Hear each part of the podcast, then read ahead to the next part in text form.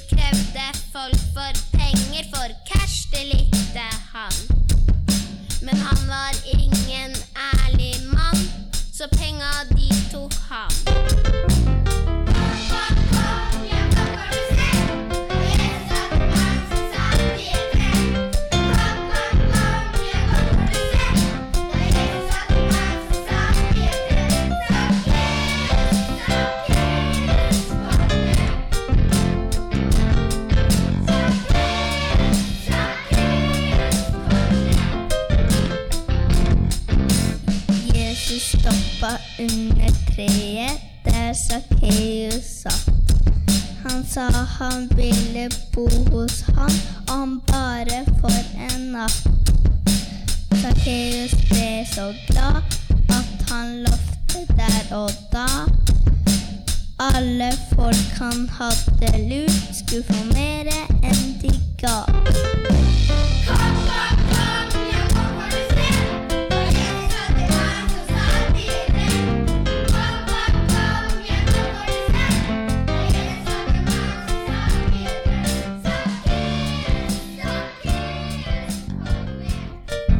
Jeg synes det er, Personlig syns jeg det er litt artig å høre det. Og eh, som en sånn fun fact dette er faktisk den eneste innspillingen av et barnekor uten skarre-r. Det er sant. Jeg er glad på lik linje med alle dere for at vi kan samles på Frimisjonen her. Sist gang vi var sammen på Frimisjonen, det var som Siv sa, på julaften, og det er gått ni uker siden det. Og de forrige fire søndagene har vi møttes på eh, Kvitseidgården for å feire gudstjeneste ute.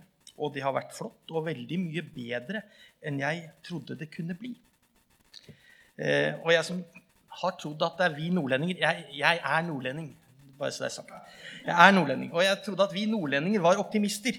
Men ikke visste jeg at det var en pastor fra det blide Sørland. Eller sagt på en annen måte en blid pastor fra Sørlandet som skulle få oss til å møte ute møte utes på midtvinters. Det har potensialet, syns jeg. i hvert fall. Uansett så er det godt å være her. I dag så er vi til veis ende i serien vår om Sakkeus. Og selv om vi har fått presentert historien gjennom sangen vi nettopp hørte, så skal jeg lese den en gang til. Historien om Sakkeus, slik den fortelles i Lukasevangeliet, er vår menighet sin bibelhistorie. Dette har Siv sagt. Men vi tror at denne historien på en spesiell måte har noe å fortelle oss i de prosessene menigheta nå står i. Og vi tror at Gud ønsker å tale til oss gjennom denne bibelfortellingen. Og vi har fått presentert ulike deler av historien de tre forrige søndagene. Og ikke visste jeg at man kunne få, få frem så mange fasetter ved denne historien. Og her kommer enda en. Og dette skal da handle om hvem Jesus er sammen med, og hva det har å si for oss. Og før jeg begynner på selve talen, da Dette er litt, det er litt mange utenomspring her, men det får bare være. Men jeg tar fram noen uttrykk som vi alle kjenner, og som finnes i mange ulike varianter. Vis meg hvilke bøker du leser, så skal jeg si deg hvem du er. Fortell meg hva du spiser, så skal jeg si deg hvem du er.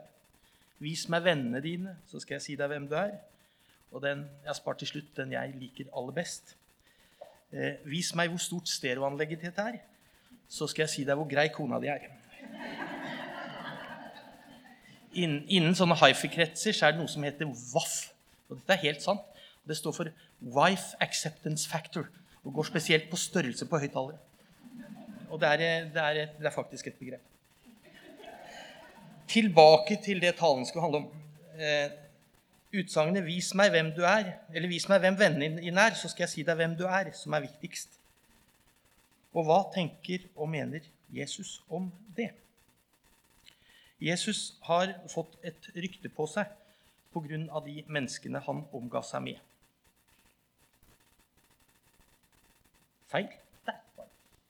Og det ryktet det kan vi lese om i Lukas 7,34. Jesus er kommet, han spiser og drikker, og dere sier, Se for en storeter og vindrekker, venn med tollere og syndere. Det her var ingen rosende omtale av en mann.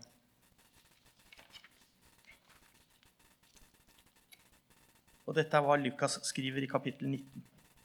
Han kom inn i Jeriko og dro gjennom byen. Der var det en mann som het Sakkeus.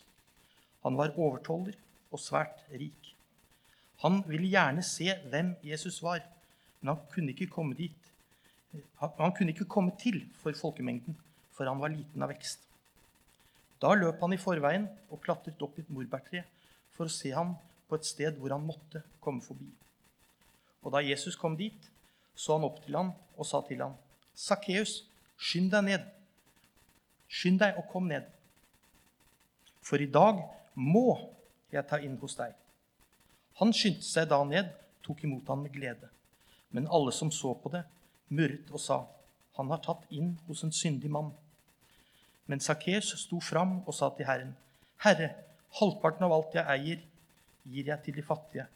Og, presset, og har jeg presset penger av noen, skal de få firedobbelt igjen. Da, Jesus, da sa Jesus til ham, 'I dag er frelse kommet til dette huset, for også han er en Abrahams sønn.' For menneskesønnen er kommet for å lete etter de bortkomne og berge dem. De fleste navn har en betydning. Og det er vel mange av oss som har slått opp eh, navnet vårt og lett etter hvilken betydning navnet vårt har. Jeg har i hvert fall gjort det. Og mitt navn er todelt. Første del betyr strid, og den andre del betyr fred. Litt sammensatt, med andre ord. Litt som min mor mente jeg var som barn.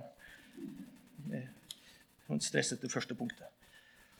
Navnet Sakkeus har også en betydning, og det kan oversettes med 'den rettferdige' eller 'den rene'. Navnets betydning og han som bar navnet, hørtes ut som en motsetning til de som kjente ham. I Galilea er det anslått at 90% av folkene som bodde der, var fattige.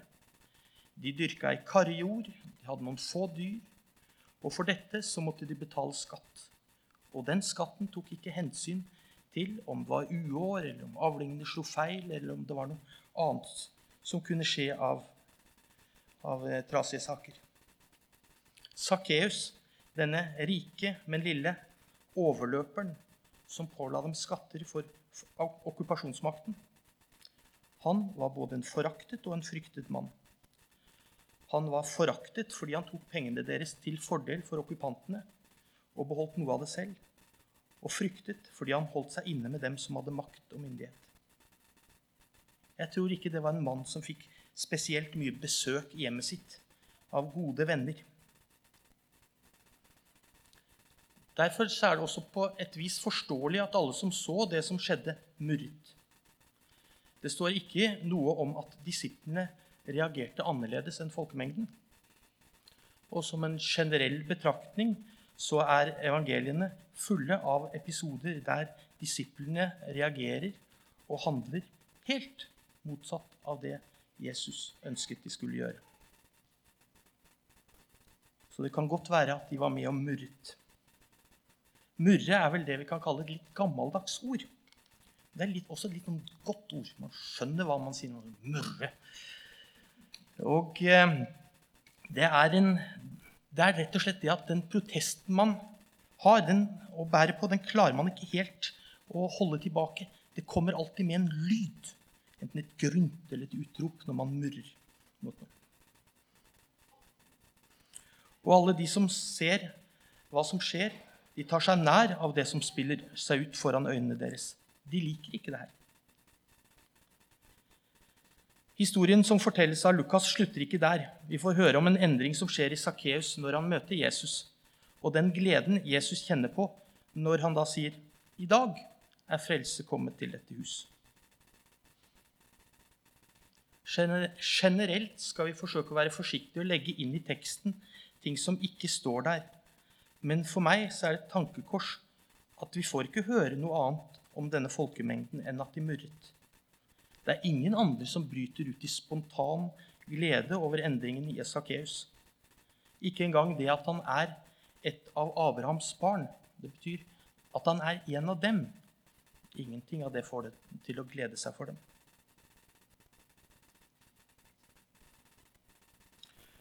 Når evangeliene i Det nye testamentet forteller om Jesus, så er det helt klart at han møtte mennesker som tydelig og på alle vis falt utenfor.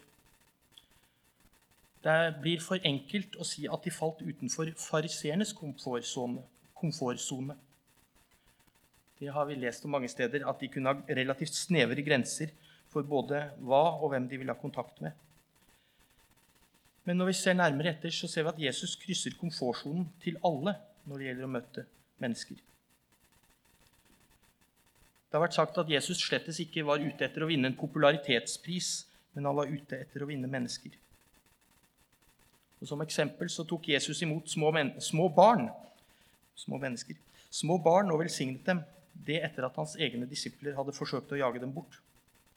Han tok på spedalske og velsignet dem, noe som var ekstremt mye mer dramatisk enn da prinsesse Diana hilste på aids-syke på 80-tallet.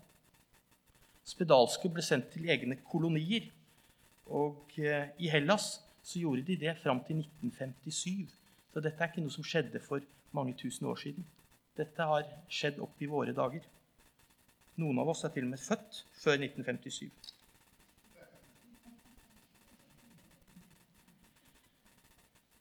Jesus møtte kvinner, og han snakket med dem. I tillegg så var noen av de kvinnene han møtte, det var såkalte merkede kvinner. Enten de var tatt på fersken i utroskap eller fem ganger skilt. Jesus la veien om der han gikk sammen med disiplene sine. La omveier sånn at han eh, møtte grekere og samaritanere. Dette var mennesker som jødene vanligvis ikke blanda seg med frivillig. Han møtte fariseere. Han møtte rom, romerske uh, Unnskyld. Han møtte romerske offiserer, heter det. Og i alle disse møtene synes det ikke være viktig hva de er, hvilken tittel, sosial status osv. Det synes ikke å bety noe. Men det betyr enormt mye hvem de er. Dersom Jesus hadde søkt offentlig anerkjennelse, så ville han ikke så mye som sett i retningen av Sakkeus. Hvor inklusiv han var, viser seg også i de disiplene som Jesus hadde. Det var en mangslungen gjeng. Han hadde en toller med seg. Han hadde en sadukeer. Det var de som gjerne ville kaste ut romerne, helst med vold. Han hadde med seg en tvilling. På den tiden ble det ansett som svært uheldig å være tvilling fordi det het seg at de brakte ulykke med seg. Så det var ikke slik at Jesus bare omgikk de som ikke hørte til, men han inkluderte de i sin innerste krets også. Ja, på fredagene så har jeg fulgt med nei, det er lørdager er det så har jeg fulgt med på et program som heter Hver gang vi møtes. Jeg har sett noen av de episodene. Og Det er mest fordi at jeg har lyst til å høre Trygve Skau sine tolkninger av andres sanger. Jeg syns det, eh, det har vært veldig flott. Og han sa der noe som fikk meg til å tenke, og noe som jeg syns passer godt inn i dagens tema. En annen av de artistene som har vært med i dette programmet, har eh, tatt artistnavnet Staysman. Han er populær, og etter min mening så er ikke musikken hans spesielt bra. Og en del av tekstene hans syns jeg er helt forferdelig. Og ut ifra det så liker ikke jeg Staysman så godt. Og det fortalte Trygve Skau at det hadde han også tenkt før han møtte ham. Og Jeg tror ikke et øyeblikk på at Trygve Skau syntes at musikken ble noe bedre, at eller at teksten ble noe mer spiselig. Men han oppdager mennesket Staysman, som hadde mye positivt med seg. Og da skjønte Trygve Skau at holdningen hans ble helt feil.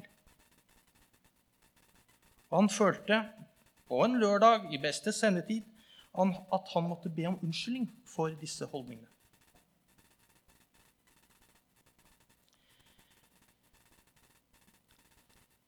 Jesus sine disipler har to store bud de skulle følge. Nå var det flere to. To store bud. Elske Gud av hele hjertet og elske mennesker de møtte, på samme måte som de elsket seg selv. Jesus sa at dette var måten både hans identitet og hans oppgave skulle bekreftes. At det skulle eksistere et samfunn av disipler som elsket hverandre. Likevel så har de av oss som kaller seg kristne, et rykte på seg for å skyve andre ut, dømme andre. Og det i en ånd av å dele inn i oss og dem, og med betydelig vanskelighet for å omfavne de andre. Teolog Miroslav Wolf skriver at en av de største forskjellene mellom Jesus og samtidens religiøse ledere var at de anså det å ekskludere de andre, være seg enten av moralske eller religiøse grunner, det anså de som en dyd. Men Jesus anså denne ekskluderingen som en synd. Han var imøtekommende og ønsket velkommen mennesker som vanligvis ble unngått. Jesus sine etterfølgere lærte, om enn sakte og motvillig, å følge denne veien. Så hvordan skal vi da kunne definere en Jesu etterfølger? Vi kan tenke oss to ulike måter å definere utenfor eller innenfor på. Og eh, Den første måten vil være det vi kaller for et avgrenset sett. Og for de av dere som syns dette høres litt som statistikk ut, så stemmer det. Men dette er, dette er statistikk light. Jeg, eh, det, jeg, kan ikke noe særlig mer enn gjennomsnitt. Men dette er en, eh, det kan kanskje gjøre det klart for oss hvordan vi tenker om det, om det å være innenfor eller utenfor. Med et avgrenset sett så kan du avgjøre om noe er utenfor eller innenfor ved å definere klare grenser. For så kan du definere det å være innenfor som en trekant ved å si at en trekant er en geometrisk form av tre definerte sider med tre definerte vinkler. Hvorvidt man er innenfor eller utenfor, er veldig klart definert i et avgrenset sett. Klart og tydelig. En sirkel, f.eks., den vil aldri bli en trekant. Og en trekant kan ikke bli en firkant. Den geometriske figuren møter definisjonen, eller den gjør det ikke. Og den kan ikke noe annet. En annen måte på å definere utenfor eller innenfor på er å bruke det vi kaller et sentrumsnært sett. Det kommer til hva dette er for noe. Her kan vi definere hvor nært eller fjernt de er fra et sentrum. Hvorvidt man er innenfor eller utenfor, er dynamisk og ikke statisk. Det kan med andre ord forandre seg. Her er det bevegelse som er viktig. Og Eksempelet vi bruker, da, er det å være skallet. Um, ta f.eks. Märtha sin venn Hun heter vel ikke kronprinsesse Märtha lenger, så det er vel bare Märtha. Sin venn herr Durek. Han er ut ifra bilder jeg har sett av han, komplett skallet. Han vil da være komplett innenfor det å være skallet. På den andre ytterligheten vil vi da f.eks. ha Albert Einstein. Hår kommer ut av alt. Et barn vil kunne være født uten hår, og av den grunn vil være innenfor gruppen av skallede. Men ut av hodebunnen så vokser det hår. Så da er barnet på vei ut av innenfor gruppen og over i utenfor gruppen. På den annen side så har vi en ung mann med så mye på hår på toppen at han er definitivt utenfor det å være skallet. Men han er i ferd med å få dype viker. Så han er på vei inn i gruppen. Så kan en kverulant si hva er minimumskravet for antall hår på hodet for å kunne være innenfor eller utenfor gruppen, og det lar vi være opp til Gud. Han som teller hår. Det står der. Et såkalt sentrumsnært sett det er verken subjektivt eller vagt. Et sentrumsnært sett er definert i forhold til hvor nært senteret man er, ikke hvor nært grensen man er. Hvis vi tror at det å være kristen kan defineres som et avgrenset sett, så vil vi fokusere på grensene. Vi vil være opptatt av å definere hva som er nødvendige og tilstrekkelige kriterier for å være innenfor. Du er innenfor eller utenfor. Og hvor du havner, vil være definert av kriterier som er satt av noen andre mennesker. Men Det nye testamentet forteller om et samfunn av disipler som i større grad synes å være preget av et sentrumsnært enn et avgrenset sett der senteret er Jesus. Det er han som definerte og inkarnerte livet i Guds rike og gjorde det tilgjengelig for alle. Dette livet skal preges av å elske Gud og elske sin neste som deg selv. C.S. Lewis, som er en av mine helter, skrev det slik. Verden består faktisk ikke av 100% kristne og 100% ikke-kristne. Det er mennesker, faktisk ganske mange av dem, som sakte er i ferd med å slutte å være kristen men som fortsatt kaller seg for kristen. Noen av dem jobber til og med som prester og pastorer. Og det er andre mennesker som sakte er i ferd med å bli kristne, selv om de ikke vil kalle seg for det enda. Selv om grenser er viktige, så er det viktigere å vite hva som er sentrum. Paulus skriver i 2. Timotus brev 1,12.: Jeg vet på hvem jeg tror. Han skriver ikke jeg vet på hva jeg tror. Han skriver, 'Jeg vet hvem jeg tror på'.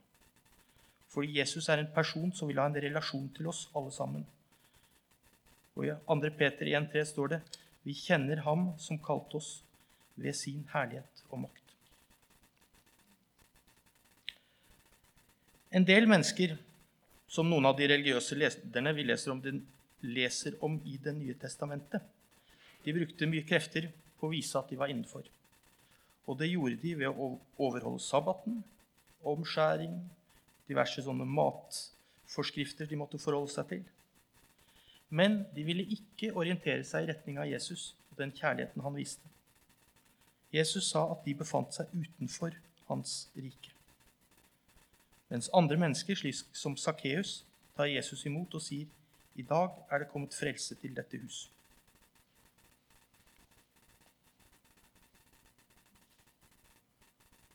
Jeg må få komme tilbake til det ordet å murre igjen.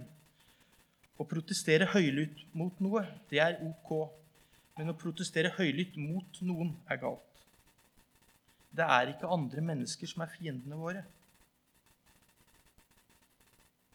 Jesus har sagt oss at andre mennesker er akkurat som vi, og som vi skal elske like høyt som vi elsker oss selv. Vi har en fiende, og det er den samme fienden som Jesus snakker om. Det er ikke de andre menneskene. Jeg er også med i en mannsgruppe. Vi, vi, er ikke unge menn, vi er en mannsgruppe. Som møtes på lørdager. Og vi kaller oss intet mindre enn Saturday Morning Men's Bible Study. Og Der er vi nettopp blitt ferdig med første Peters brev. Og Der skriver Peter at alle må forberede seg på at det kommer forfølgelser. Han skrev dette i en tid da det raste noen aldeles forferdelige forfølgelser. Og midt inni det så skriver han at dette må dere forberede dere på. Det vil komme tøffe tider. Og det er den romerske statsmakten som forfølger og dreper kristne. Men ikke et eneste sted i dette brevet så utøser han vrede over romerne. Han ber isteden om at kristne medsøstre og brødre må få kraft til å holde ut. Her tråkker jeg stadig galt, om det er på jobb, når jeg leser nyhetene, eller når det gjelder trua mi. Jeg har nemlig en lei tendens til å tenke på mennesker som innenfor eller utenfor. Jeg har en tendens til å kunne anse andre mennesker som motstandere. Og jeg hadde antagelig vært midt inni den gruppa som murret da Jesus sa at han ville ta imot Sakkeus. Men jeg ønsker å forandre meg, for jeg har heller ikke noe å rose meg for foran Gud. Jesus har gitt oss mange eksempler i evangeliene hvordan vi bør tenke om våre naboer, slektninger, bekjente, fremmede, fiender, enker, fremmede, farløse. Vi er alle mennesker som er elsket av Gud. Skal vi be.